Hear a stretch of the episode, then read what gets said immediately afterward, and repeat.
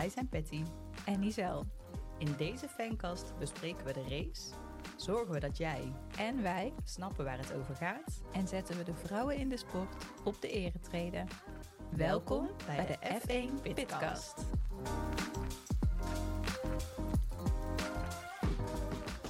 Ja, heel onwennig Giselle. We zitten hier op een zondagmiddag op te nemen. Ja, we zouden eigenlijk normaal gesproken nu ongeveer race gaan kijken, voorbeschouwing gaan kijken. Ja, of het moet Japan zijn, heel vroeg 's ochtends. Maar eh, nee, ja, deze keer was eh, natuurlijk de race al op de zaterdag. Dus eh, vandaar dat we nu al kunnen gaan opnemen. En het was een bijzondere eerste race van het seizoen. Ja, niet mijn favoriete seizoensopener, maar daar komen we nog op terug. Het was gewoon de eerste keer in de historie van de hele Formule 1 dat er in de eerste race geen uitvallers waren. Ja, dat maakt het ook een beetje saai. ja. Daarover later meer. En we moeten toch nog heel even sorry zeggen. Ja, wij eh, hebben vorige week een eh, quizje gespeeld over de teamnamen. En daarin hebben we een foutje gemaakt. Want ehm, de Visa Cash App RB, daarin staat RB niet voor Red Bull, maar voor Racing Bulls. Nabeschouwing. Waar ze al bang voor waren bij Alpine werd werkelijkheid.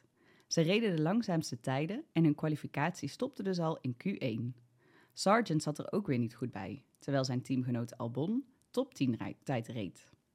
In Q2 was Russell onder investigation vanwege het overschrijden van de maximum delta-tijd. Maar zoals commentator Nelson Valkenburg bij Viaplay al zei, dit zagen we vorig seizoen ook 172.000 keer en niemand kreeg er ooit een straf voor.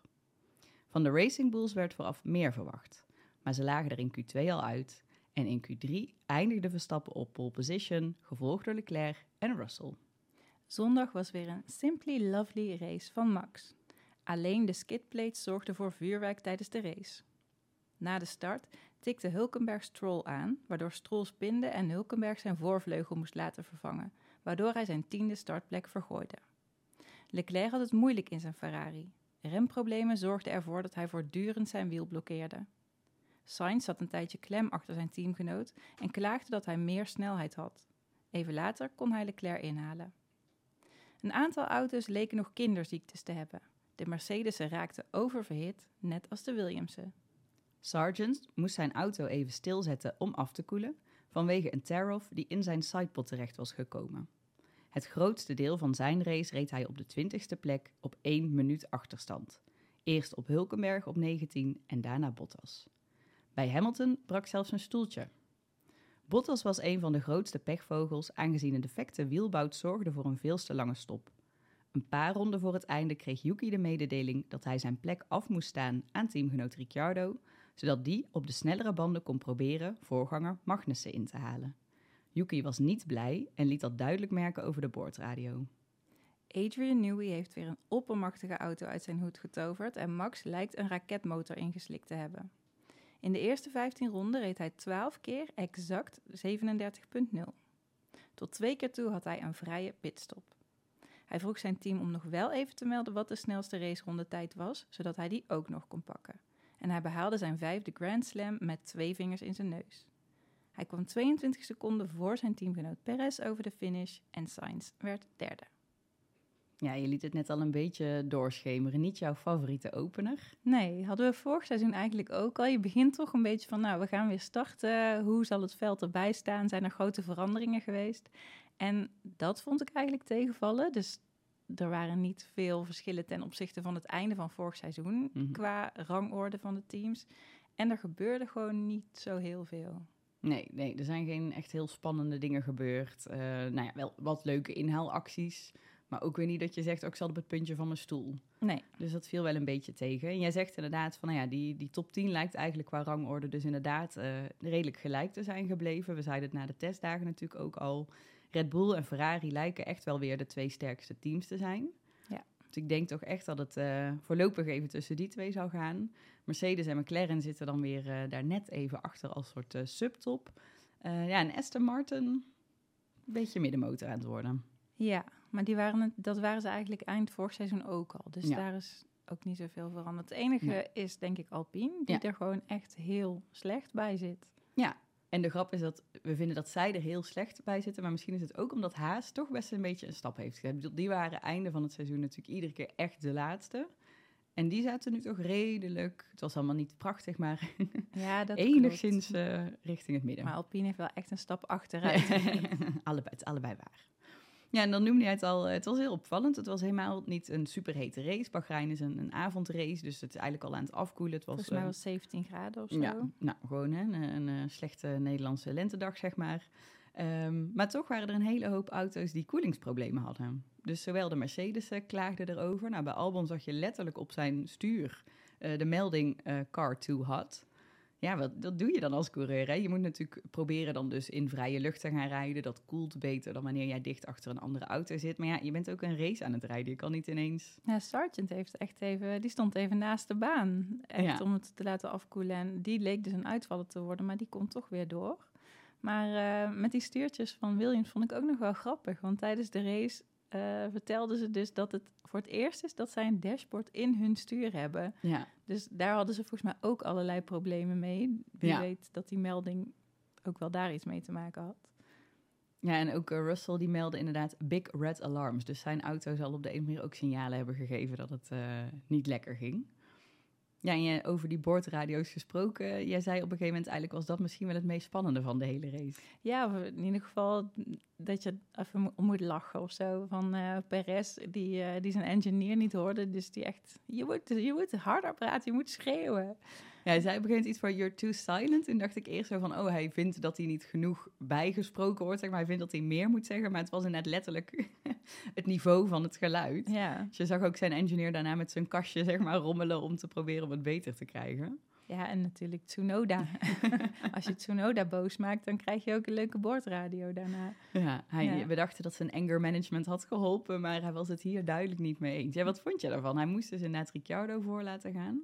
Eh, ik vond het raar. Het was met nog een paar ronden te... Nee, ik, eigenlijk snap ik het Mhm. wel. Het was nog met een paar ronden te gaan. En eh, Ricciardo had het idee dat hij misschien... dat hij een beetje vast zat achter Yuki... en dat hij nog wel de voorligger Magnussen zou kunnen pakken.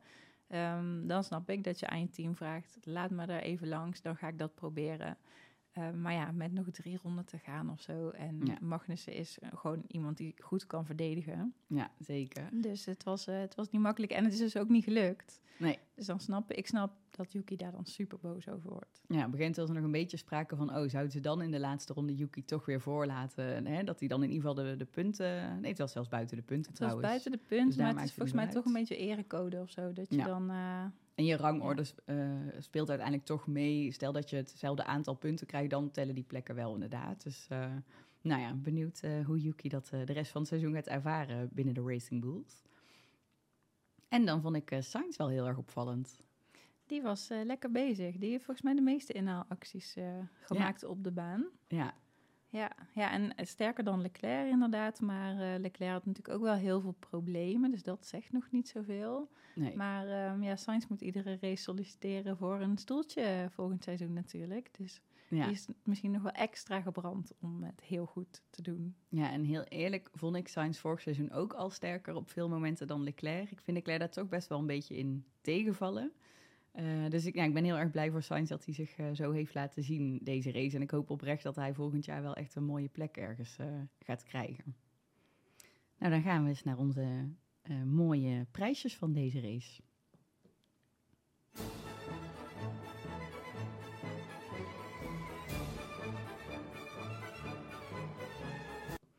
Ja, wie gaat de erekrans deze keer? Ja, het is heel saai, maar die kan gewoon maar naar één iemand gaan. En dat is toch weer, weer Max Verstappen. Ehm, met 22 seconden voorsprong eh, uiteindelijk. Maar gedurende de race was het af en toe 40 seconden. Dat ligt dan natuurlijk ook aan wie wel of niet al gestopt is. Maar Ja, hij heeft gewoon twee vrije pitstops gehad. ja, Dat vond ik denk ik oprecht het meest indrukwekkende. dat de eerste al een vrije stop was. Ja. Dat, dat zie je echt niet vaak. Nee, Nee. Hij, hij reed gewoon weer weg. Ja, en daarna had hij dan inderdaad een beetje het geluk met zijn tweede stop dat Perez net de ronde voor hem ging. Anders nou ja, was het even de vraag of hij ook echt net voor hem op de baan eh, was gekomen. Eh, maar doordat Perez al naar binnen was gegaan, had hij ineens weer inderdaad zo'n enorm gat. En eh, ja, dat, dat, ik kan me niet herinneren dat ik dit ooit, zeker niet in een eerste race heb gezien. Nee, en dat hij dus echt zo consistent is. Dat hij dus exact dezelfde rondetijd kan rijden. dus heel veel rondes achter elkaar. Dat Ja. is echt bizar. En dan nog de honger heeft om net dat puntje van de snelste raceronde weg eh, te pakken. Goed gedaan, Max. Ja, en dan eh, de Golden Meatball, de eerste van het seizoen. En die gaat naar Nico Hulkenberg van Ja. Haas. Ehm, ja, die zat in de kwalificatie eigenlijk supergoed. En eh Hij heeft Q3 gehaald. Ja, Ja, voor een haas echt heel erg goed. ja, maar dat gooit hij meteen weg eigenlijk in de eerste bocht. Ja, hij door ging voor een Stroll aan te tikken. Ja, ja, hij dacht inderdaad van, oh, ik kan hier nog wel eventjes eh, in de chicane nog net dat, eh, dat plekje halen. Maar je zag Stroll gewoon al insturen. Je zag dat daar geen ruimte was. Ja, laat dan heel even je gas los. Het, het is bij wijze van twee seconden.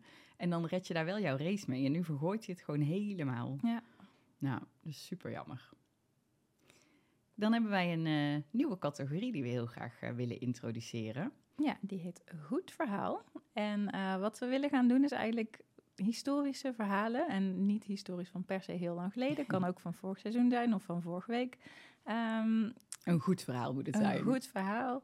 Daar gaan we een mooie tekst van schrijven en eh, die mooi editen. En eh, dat worden kleine stukjes van een paar minuutjes die, die dan apart van deze podcast online komen te staan. Ja, dus die zullen wij komende week ook online gaan zetten. En we hebben voor nu alvast een kleine teaser van de eerste goed verhaal.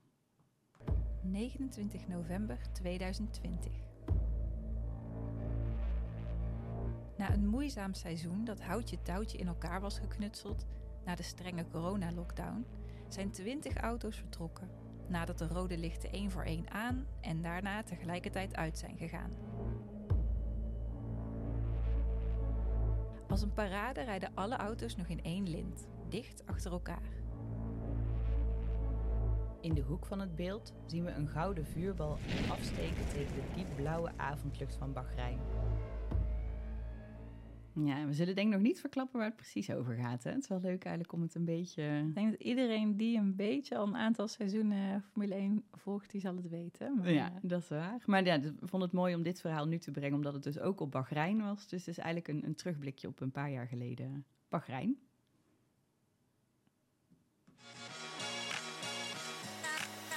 F1 voor dummies. Ja, we hebben natuurlijk in de winterspecials al best veel behandeld over welke coureurs er mee rijden, welke teams, teambazen. Eh, maar start van het seizoen, we dachten het is ook wel eens leuk om stil te staan bij de startnummers waarmee coureurs rijden. Het is namelijk eh, tegenwoordig zo dat zij, eh, sinds 2014 is dat, een nummer kiezen waarmee zij heel hun Formule 1 carrière in principe rijden. Dus het nummer wat jij kiest op het moment dat jij als rookie begint, daarmee rij je de rest van jouw Formule 1 carrière. Eh, voorheen was het zo dat het gewoon was, de wereldkampioen kreeg nummer 1, zijn teamgenoot 2. En dan op basis van constructeursuitslag van het vorige wereldkampioenschap werden de rest van de nummers verdeeld. Maar nu is het dus door de herkenbaarheid eh, die ze willen vergroten, hebben ze ook gekozen voor een persoonlijk eh, nummer. En eh, nou ja, alleen de wereldkampioen mag nu dus ervoor kiezen om van zijn nummer af te wijken en met de nummer 1 te rijden. Max doet dat sinds dat hij wereldkampioen is. Heeft Hamilton dat toen ook gedaan? Nee, nee, Hamilton heeft zijn eigen nummer 44 eh, op de auto gehouden. Eh, ik denk dat hij zich daar misschien nog net iets meer mee identificeert en dat Max het gewoon wel heel cool vindt om die 1 erop te hebben. En eh, nou ja, Max was na, eh, of sinds Vettel de eerste wereldkampioen zelfs. Dus na Vettel, ik zit even te denken hoeveel hebben we er daarna gehad. In ieder geval dus Hamilton, maar die heeft natuurlijk heel veel tussendoor gehaald. Dus eh, ja, nee, Vettel was voor Max de laatste die met die 1 heeft gereden. En wat je nu dus ziet, is dat Max wel nog steeds zijn nummer 33 op alle merchandise bijvoorbeeld gebruikt. Dus als je een petje van Max koopt, dan staat daar alsnog wel 33 op en de shirtjes en alles. Eh, en nou ja, waarom hij voor 33 heeft gekozen. We gaan gewoon een paar nummers af en eh, vertellen je waarom een coureur met dat nummer rijdt. Bij hem is dat omdat nummer 3 zijn geluksnummer is. Maar nummer 3 was al in gebruik, eh, Ricciardo. dat is wel mooi, want ze zijn natuurlijk teamgenoten geweest. Die had dat nummer al bezet. En heeft hij maar voor 33 gekozen, want dan heeft hij tenminste dubbel geluk, zoals hij dat dan zelf zegt. En eh, waarom rijdt Ricciardo dan met eh, nummer 3? Dat is een eerbetoon aan zijn jeugdheld, NASCAR-kampioen Dale Earnhardt. Dus eh, nou ja, dat doen meer coureurs, een verwijzing naar een, een sportheld. Vaak niet een coureur, wat ik wel grappig vind. Misschien dat ze dat toch een beetje arrogant vinden of zo. Je gaat niet het nummer van Senna bijvoorbeeld kiezen. Ehm, nou ja, heeft, zo... nooit, heeft nooit meer iemand het nummer van Senna gehad, weet je dat? Nou, Senna heeft natuurlijk in die periode gereden dat je dus gewoon een nummer toegewezen. Dus die had natuurlijk ook niet zo'n verpersoonlijk nummer. Dus misschien daarom ook wel. Eh, maar ja, Joe rijdt bijvoorbeeld met nummer 24. En voor hem verwijst dat naar basketballer Kobe, eh, Bryant. Die had dat op zijn eh, shirt als rugnummer staan. En de nummer 11 waarmee Checo rijdt, dat verwijst naar voetballer Bam Bam, ofwel Ivan Zamorano. En bij dit soort dingen vraag ik altijd heel eventjes aan mijn vriend Taco, is dat dan een bekend iemand? Blijkbaar wel. Hij heeft ook echt in Europa gespeeld. Het is wel een, een Mexicaan was het volgens mij, maar ja, wel een wat bekendere voetballer. Nou, dan Albon, die rijdt met nummer 23. En dat verwijst voor hem naar zowel de voetballer David Beckham, maar ook basketballers LeBron en Jordan. Maar hij heeft daar ook over gegrapt dat hij het ook best wel gaaf had gevonden om met het nummer 46 te rijden, waarmee zijn, een van zijn idolen, motorsportcoureur Rossi, altijd reed. Uh, maar dat vindt hij dus ergens inderdaad wel een beetje te arrogant. Van ja, ik ga toch ook nooit aan zijn dominantie kunnen tippen. Dus ben ik maar voor de helft gegaan. Dus ja, vandaar... maar dat is toch bij die basketballers zou je hetzelfde kunnen zeggen, ja. maar ja, dat is dan nog, kijk, motorsport, Formule al, 1. Ja, en je zit al in de Formule 1, dus je hebt al wel echt een niveau bereikt natuurlijk. Ja, precies. Ja. Nou, dus dat kan een, een, reden zijn om een nummer te kiezen. Maar je ziet ook dat heel veel coureurs rijden met het nummer waarmee ze bijvoorbeeld kampioen werden in een eerdere klasse. Nou ja, we hebben net al gezegd, uh, Hamilton dus inderdaad nummer 44. Dat verwijst naar zijn eerste kartwedstrijden waarmee hij reed. Toen reed hij al met dat uh, nummer. Ocon rijdt met nummer 31. Uh, dat verwijst naar het jaar of het nummer waarmee hij reed in zijn kartingkampioenschap. Magnussen, die met nummer 20 rijdt, werd met dat nummer kampioen in de Formule Renault. En wat ik een hele mooie vond is Alonso die rijdt met nummer 14. En daarvoor heeft hij gekozen omdat hij, daar komt hij, op 14 juli 1996 als 14-jarige het kartingkampioenschap won met een kart met nummer 14. Nou, die moet je nooit meer opgeven, Dat toch? is een lucky number. Dan. Ja, precies. Ja. Nou, bij Gasly is het een klein beetje van beide. Uh, met zijn nummer werd hij uh, zijn nummer 10 uh, wereldkampioen in de Formule Renault Eurocup. Maar het is ook het terugnummer van zijn favoriete voetballer Zinedine Zidane. Uh, en soms is er ook een andere reden, of hebben coureurs ook gewoon super random gewoon voor maar een nummer gekozen. Bij Sainz uh, zou de 55 verwijzen naar de twee S'en in zijn naam, dus de S van Carlos en dan de S van Sainz. maar daar moet je al een beetje fantasie bij gaan gebruiken om dat, uh, dat ook echt zo te ervaren. Is het ook niet een nummer van zijn vader of zo? Nee, nee, tenminste daar heb ik niks over kunnen vinden. Het heeft niet nog een extra lading voor hem. Maar dat geldt bijvoorbeeld ook voor Russell, die heeft ook een vrij uh, random uh, nummer waarbij dat dan zogenaamd een beetje naar de G van George en de R zou verwijzen. Maar dan, nou ja, je moet er echt heel erg voor met je ogen knijpen, maar zeg maar. dan mee? Nummer? Ja, die hebben we niet genoteerd. Ik weet het Ja. even, wat zal het dan zijn? Een Iets met een negen? 4 en een 6, geloof ik. Oh. ja. Ehm, en dan nog even, die vond ik wel leuk om nog uit te lichten, Yuki. Eh, want net als Max heeft hij gekozen voor dubbel geluk. Eh, zijn geluksgetal 11 was al bezet door Checo Perez.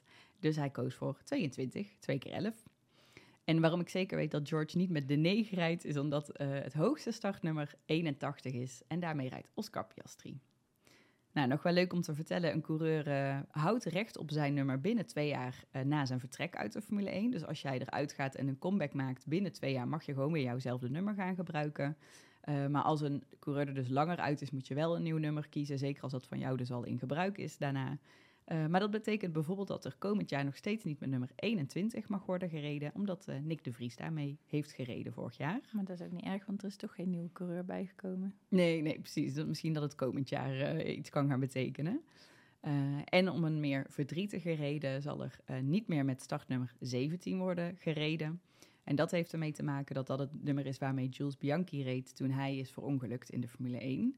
Dus als eerbetoon aan hem gebruiken ze nummer 17 niet meer. Eh, en vond ik ook wel grappig, eh, in de historie van de startnummers die zijn gekozen, is nog maar één keer startnummer 13 gekozen. Dat was toen door Pastor Maldonado, een Venezolaanse coureur. En hij koos bij de invoering in 2014 voor dit persoonlijke nummer, omdat het in Venezuela dus juist wel een geluksnummer is. Dus hij was niet zo bekend met onze Europese afkeer van eh, nummer 13. Eh, maar goed, daarna is het dus nooit meer gekozen en hemzelf heeft het helaas ook weinig goed gedaan in de Formule 1. De eretreden. Ja, vandaag op de eretreden Lena Boeler. Zij is een Zwitserse autocoureur en ze is nu 26 jaar oud. Toen zij jonger was, reed zij op een BMX, maar op haar 17e is ze overgestapt naar het karten. En in het eh, Zwitserse kartkampioenschap is ze eerste jaar 14e geworden en het jaar daarna vierde en daarna derde.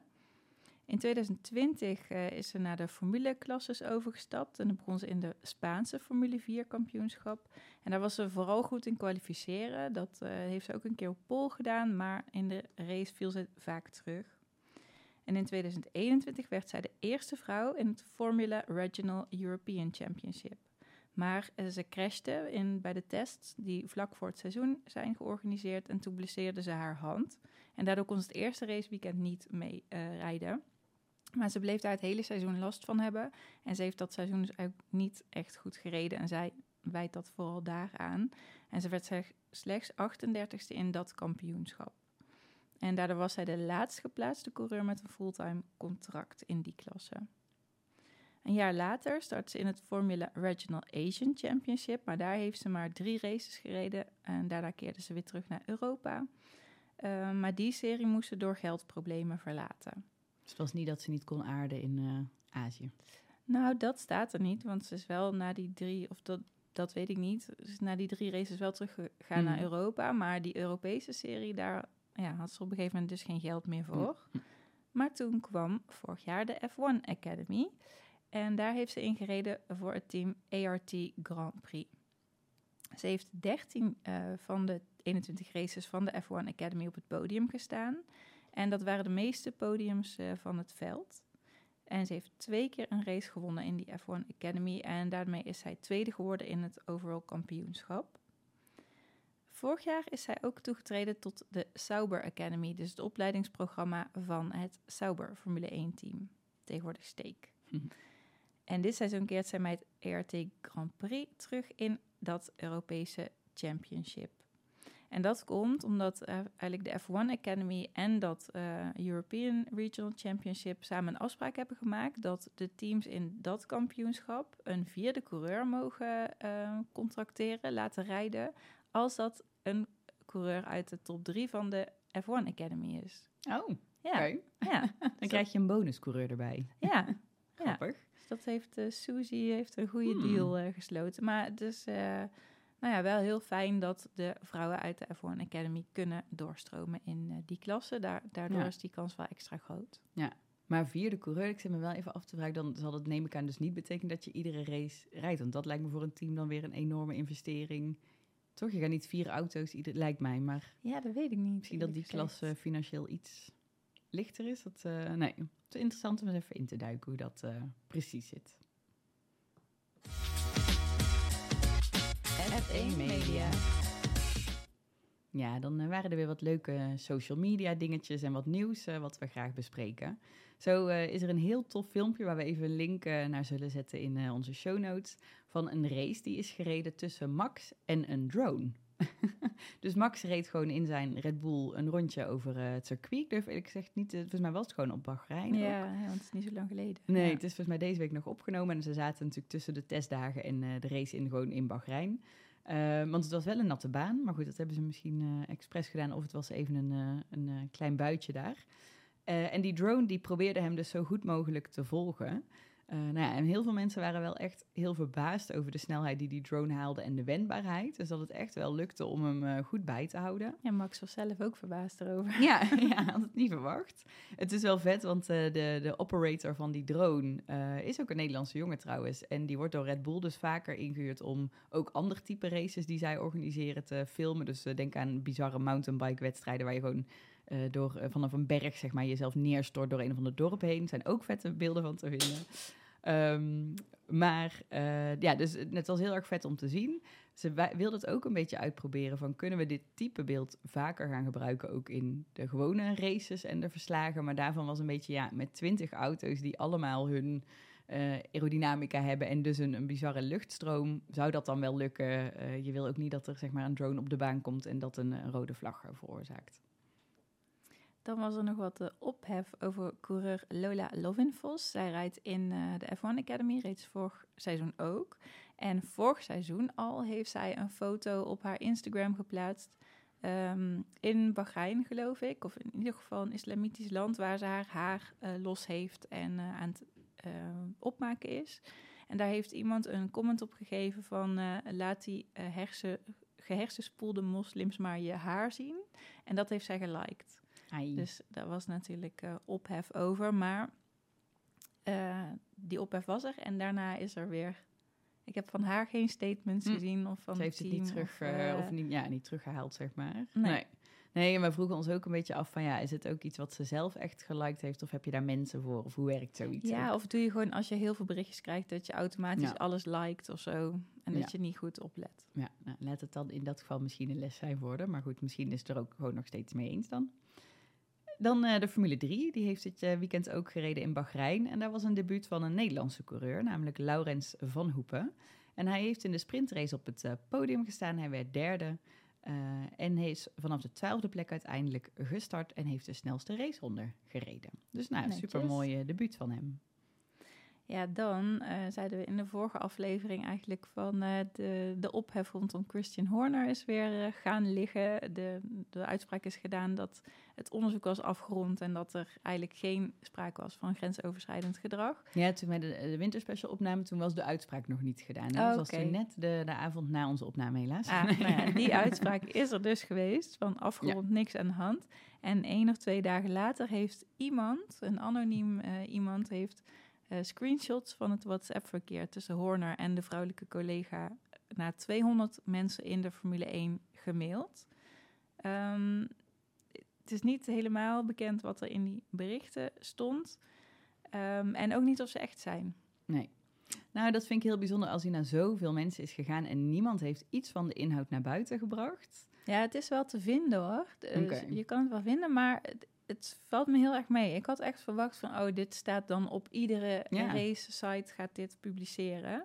Maar dat is niet. Dus op een of andere manier doen zij iets heel goed in dingen een beetje onder de tafel houden bij Red Bull. Ja. Of het is dus inderdaad zo dat ook de journalisten zelf twijfelen of het wel... Of het echt, Echt is. is. Ja, en dat je daarom niet brengt. Ja. Ja. Maar je kan het ook brengen en zeggen van, we weten het niet zeker.